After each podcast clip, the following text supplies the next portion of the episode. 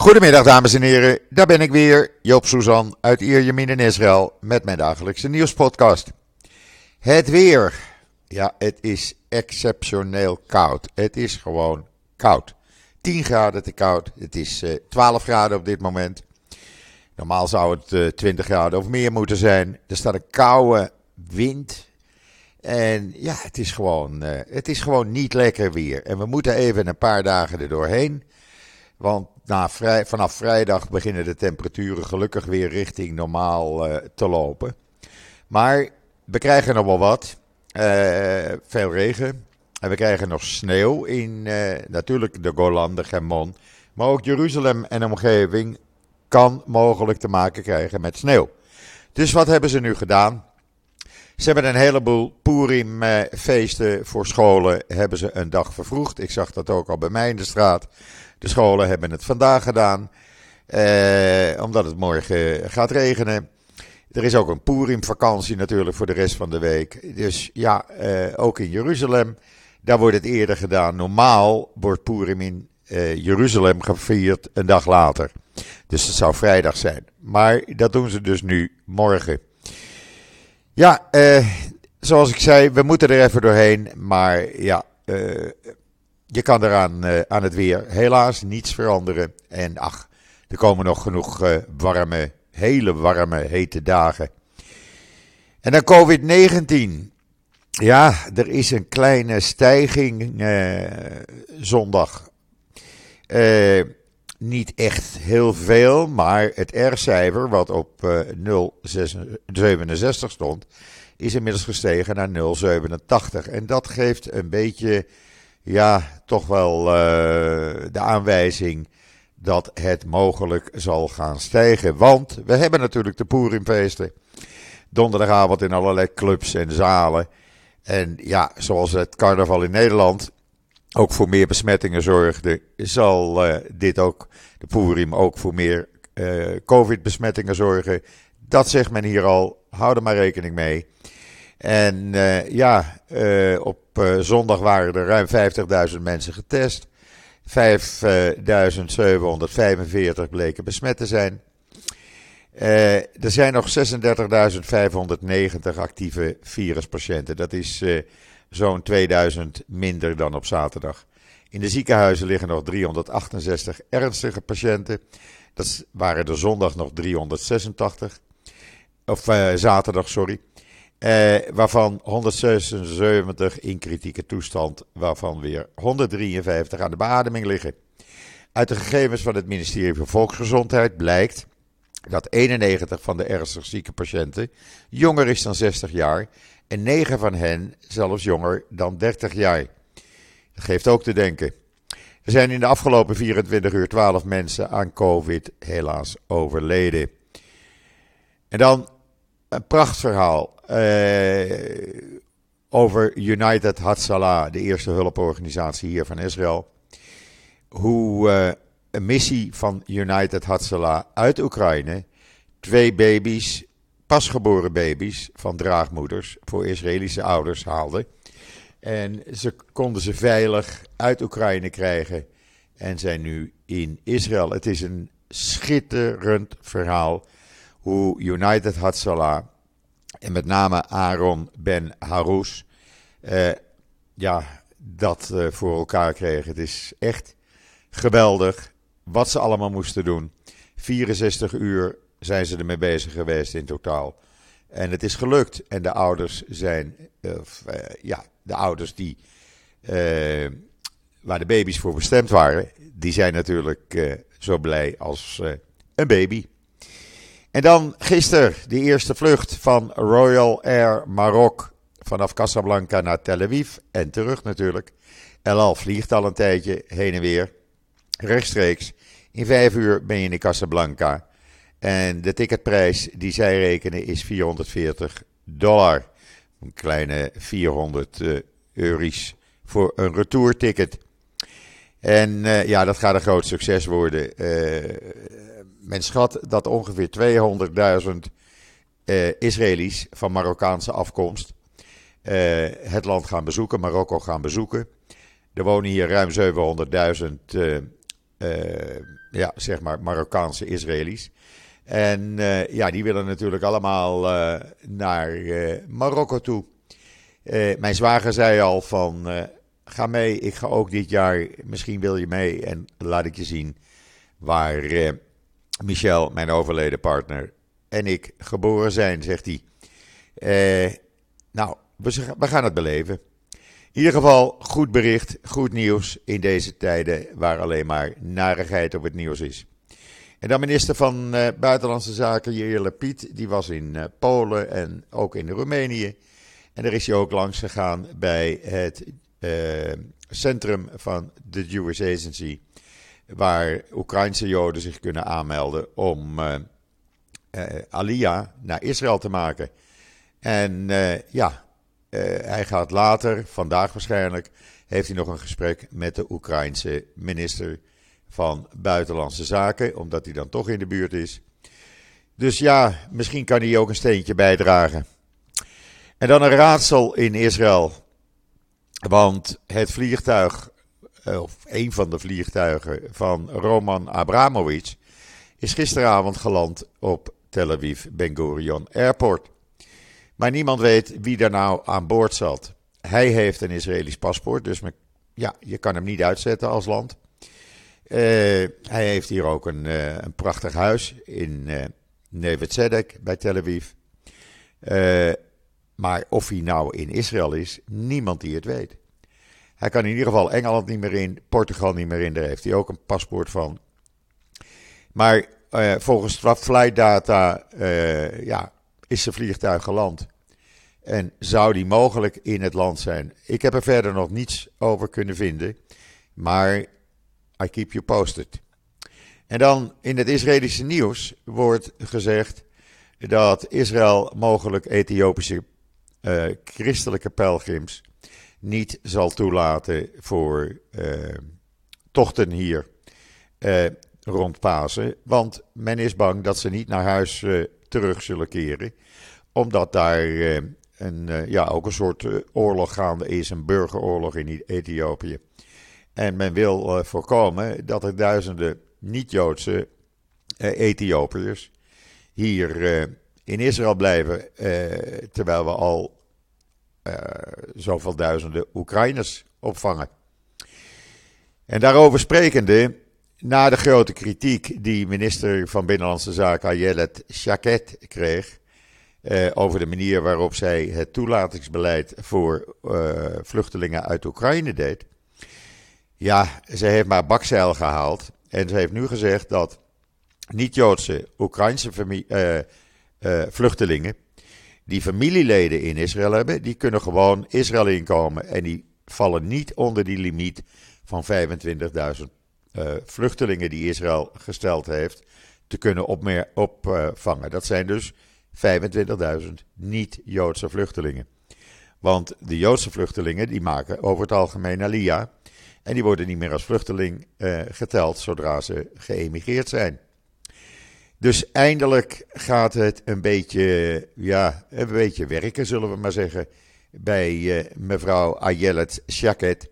Want uh, ja, om nou te zeggen dat ze echt een humanitair beleid heeft ge gevolgd, nee alleen maar onder kritiek of door de kritiek en door de demonstraties, ook bij haar huis voor de deur, heeft ze uiteindelijk bakzeil gehaald. Ondertussen heeft de minister van Buitenlandse Zaken Lapid gezegd dat Israël niet door Rusland zal worden gebruikt, of door Russische oligarchen, laten we het maar zo zeggen, om sancties te omzeilen die door het Westen zijn opgelegd.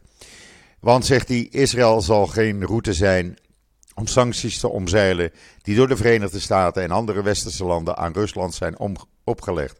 Hij doelt daarmee met name over de oligarchen die hier eh, naartoe zijn gekomen.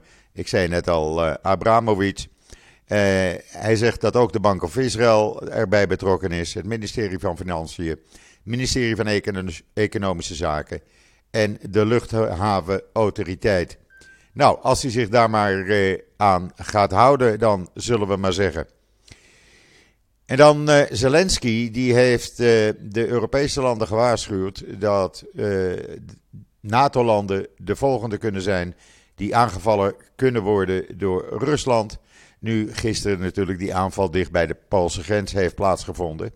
En hij doelde daarmee op ja, het afkondigen van een no-fly zone. Hij zegt van dat moet gebeuren. Zo niet, dan kunnen Europese NATO-landen uh, ook wel eens het risico lopen gebombardeerd te worden. Ja, hij probeert natuurlijk van alles en ik begrijp dat ook wel. Want als je die verschrikkelijke beelden ziet die op social media langskomen, hele woonblokken vanmorgen rond Kiev, gewoon gebombardeerd. En daar wonen dan mensen, daar wonen gezinnen. Je kan het je gewoon niet voorstellen wat een ellende daar plaatsvindt. Ondertussen had uh, de gemeente Jeruzalem op de muren van de oude stad een, uh, een display gemaakt met laserstralen. Waarbij ook uh, naast de Oekraïnse vlag de Russische vlag werd afgebeeld. Nou, dat kwam zo op enorm veel kritiek te staan. En uiteindelijk gisteravond hebben ze maar besloten om die display dan maar helemaal weg te halen.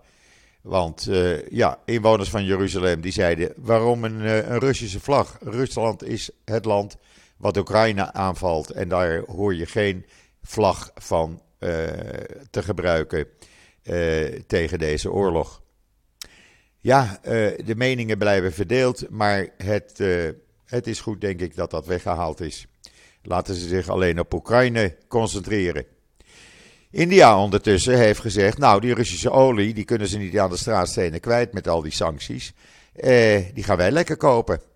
Want eh, wij willen wel een koopje hebben. Dus die is nu in de markt om Russische olie te kopen. En die trekt zich dus niets aan van welke sanctie dan ook.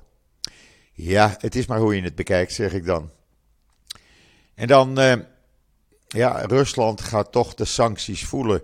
Gisteren werd al bekend dat eh, Rusland de helft van zijn uh, deviezenvoorraad en goudvoorraad niet meer kan gebruiken, omdat die geblokkeerd zijn door de sancties. en nu hebben ze China gevraagd van, joh, help ons even aan militair materiaal, want we hebben geen geld en we kunnen nergens meer aankomen. En we moeten wel militair materiaal hebben. Of China het gaat doen, ik zou het niet weten. Uh, ik kan niet in de glazen bol kijken, maar het zou mij niet verbazen. Want China en Rusland, het zijn vrienden in het kwaad, zullen we maar zeggen. Uh, ja, als je ziet hoeveel materiaal van de Russen uh, gewoon achtergelaten wordt, maar ook gebombardeerd wordt, geraakt wordt door drones van Oekraïnse soldaten, dan, ja, dan, dan zie je gewoon dat op een gegeven ogenblik er een tekort aan materialen komt. En die aanvoerroutes die zijn nu ook niet zo kort meer. Dus ja, ze moeten het ergens vandaan halen natuurlijk. En toen dachten ze maar, laten we China dan maar vragen. Uh, dan uh, heeft Zelensky ook gezegd, zojuist, dat hij een uh, no-fly zone wil. die onderhandelingen die gaan, of die zijn nu bezig via Zoom.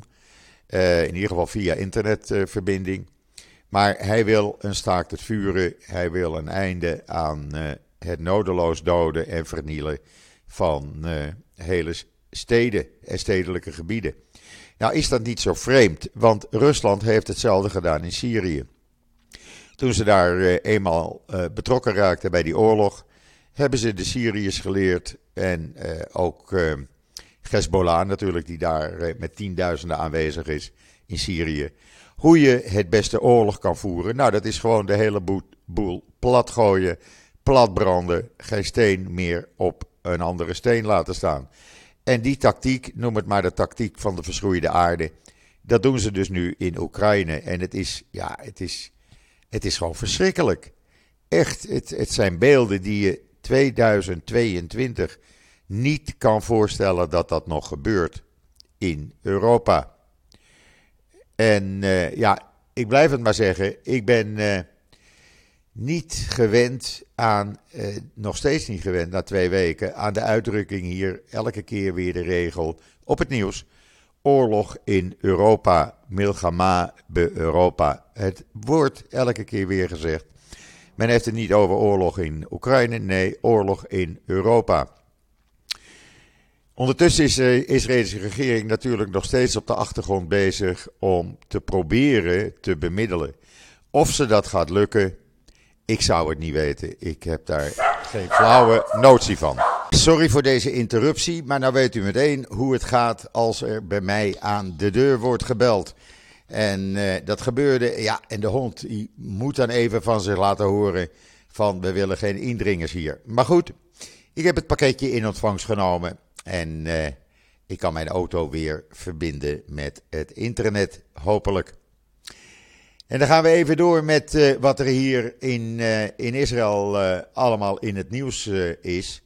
Want Israël en de Emiraten hebben een eerste academisch overeenkomst gesloten. Waarbij ze op academisch gebied gaan samenwerken op alle vormen van academisch gebied. En dat is ondertekend door de Universiteit van Haifa en de Nationale Bibliotheek en Archieven van de Verenigde Arabische Emiraten. Die gaan, uh, ja, het is weer een stap in het versterken van de banden tussen Israël en de Emiraten, zullen we maar zeggen. En uh, ja, die gaan dus samenwerken. Uitwisseling van onderzoekers en experts, archiefonderzoek, uitwisseling van collecties, het ontsluiten van nieuwe bronnen voor de bibliotheken. Eh, nou ja, noem maar op, je kan het zo gek niet bedenken. Ook culturele evenementen zullen daarbij zijn. Tentoonstellingen, conferenties. Ja, het is al allemaal zo normaal, vind ik. Ik kijk er ook niet meer van op als er weer een, uh, een overeenkomst wordt getekend met de Emiraten. Of als er weer een Israëlisch bedrijf uh, zich vestigt in Dubai of Abu Dhabi. Het is al allemaal zo normaal. En om daar even op door te gaan.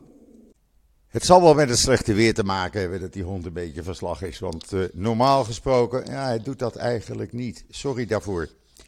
Ondertussen is bekend geworden dat een uh, groot aantal uh, vooraanstaande Israëlische high-tech bedrijven zich de laatste dagen uit Rusland hebben teruggetrokken. dat gaat voor problemen zorgen bij die bedrijven, want ja, ze hadden natuurlijk outsourcing en filialen en ze werkte ook samen met Oekraïnse bedrijven. Daar werden echt uh, duizenden uh, mensen werkten daar voor Israëlische high-tech bedrijven. En dat ze nu weggaan uit Rusland. Ja, dat gaat uh, nogmaals voor die bedrijven toch wel voor een probleem zorgen. En hoe ze dat gaan oplossen, ik zou niet weten. Ze zijn bang dat ze met sancties in andere landen, met name Europa en Amerika, te maken krijgen als ze toch in Rusland blijven werken. Dus ja, uh, ik blijf dat voor u volgen. En kijken wat daar uh, de komende dagen, weken over naar buiten komt. Inmiddels uh, hebben studenten, Israëlische studenten, die hebben besloten in plaats van de cookies voor Purim, die we dan noemen Hamansoren. U kent ze wel, die driehoekige koekjes met chocolade erin, veel chocolade erin. Die hebben ze een andere naam gegeven. In plaats van Hamansoren heten ze nu deze Purim Poetin-oren. Haman, dat was de slechterik in het verhaal van Esther. Het verhaal uh, wat we lezen op, uh, op Purim. Uh, en ja, men vergelijkt Poetin nu met Haman.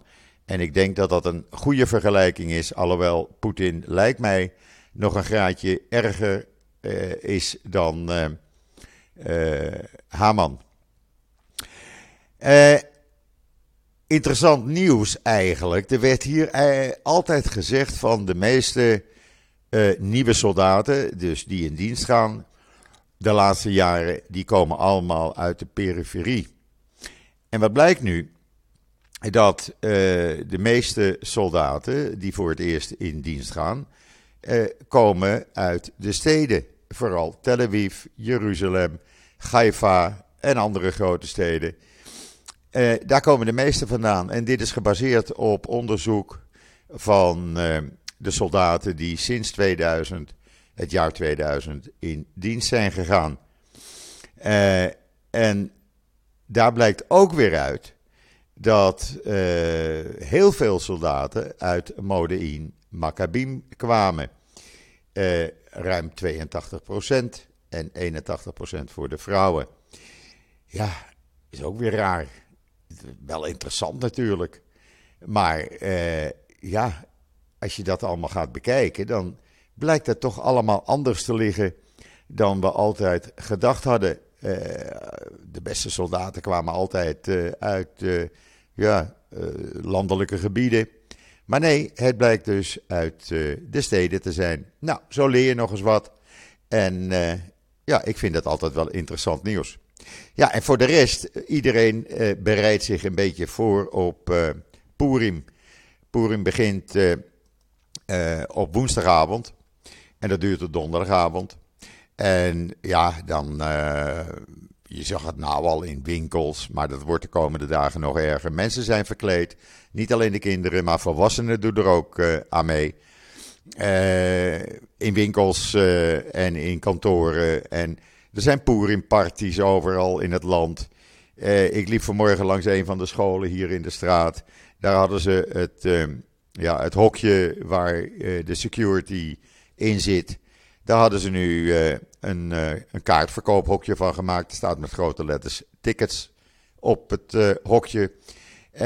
en zo wordt alles een beetje aangepast. En komen we eventjes uit die narigheid weg en kunnen we een beetje lachen mensen die zich in de gekste uitdossingen op straat vertonen. En ja, ik vind dat altijd wel een leuke tijd. Maar het betekent ook dat we gauw aan de matzes gaan. Want een maand later beginnen Pesach. valt dit jaar trouwens samen. Het overlapt min of meer elkaar. Pesach, Ramadan en het paasfeest. Allemaal in dezelfde periode. Uh, ja, dat gebeurt wel eens natuurlijk. Maar het betekent dat we uh, ja, een maand later, 14 april, 15 april geloof ik begint het. Dan uh, gaan we acht dagen matzes eten. En dat vind je ook nou nooit de gezelligste tijd van het jaar. Tenminste, het matzes eten. Na twee dagen heb ik zoiets van, nou ja, voor mij hoeft het niet meer. Maar ja, bakkerijen zijn dicht. Dus ja, dan zou je naar een Arabische winkel moeten gaan of zo. Of een, een winkel van ja, Russische emigranten. Die niet kosher zijn en die brood verkopen. Maar ja, dat doe, doe je toch niet. Maar goed, we hebben eerst Purim. Iedereen kan zich le lekker bezatten. de ultra-orthodoxe gemeenschap die drinkt liters whisky en wijn weg. en ja, dat zijn altijd leuke dagen. Ik vind het altijd weer jammer als Purim dan om is. Er is ook vuurwerk. Jeugd stuurt vuur, vuurt vuurwerk af. Schijnt er ook bij te horen. En dat is al een paar dagen aan de gang. Maar goed, ja, als het niet regent, nou ja, dan maar koud. Maar met het zonnetje erbij, ach, dan wordt het toch een gezellige tijd. Dat brengt mij tot het einde van deze podcast. Nee, ik heb nog één mededeling eigenlijk. Kobi Ziegler, onze vaste uh, militaire analist, die uh, vandaag zei van Joop, er is niets gebeurd wat ik noemenswaardig vind. Er is geen verandering ten opzichte van gisteren. Dus laten we even één dag overslaan. Dan kom ik morgen weer in je podcast. Maar Kobi heeft een idee. Dat hebben we gisteren uitgetest met een aantal mensen. ik wist dat niet, maar je kan via Twitter ook een, een soort gesprek met elkaar houden. Nou, dat hebben we gisteren getest, dat ging prima. En Kobi gaat morgenavond om 8 uur, begint hij daarmee. Iedereen is van harte uitgenodigd om te luisteren of uh, mee te praten. Het gaat natuurlijk over de oorlog in Oekraïne. En uh, daar kunnen vragen gesteld worden die Kobi en anderen uh, meteen zullen beantwoorden. Ik ga er ook aan meedoen. het is om 8 uur Nederlandse tijd, morgenavond, dinsdagavond op Twitter. Hou even de aankondigingen van mij en Kobi in de gaten. En ja, noteer het vast. En kom dan acht, uh, om acht uur morgenavond eventjes gezellig met ons meeklessen bessen. Goed, nogmaals, dat brengt mij tot het einde van deze podcast. ik ben er morgen weer. En zeg zoals altijd, tot ziens, tot morgen.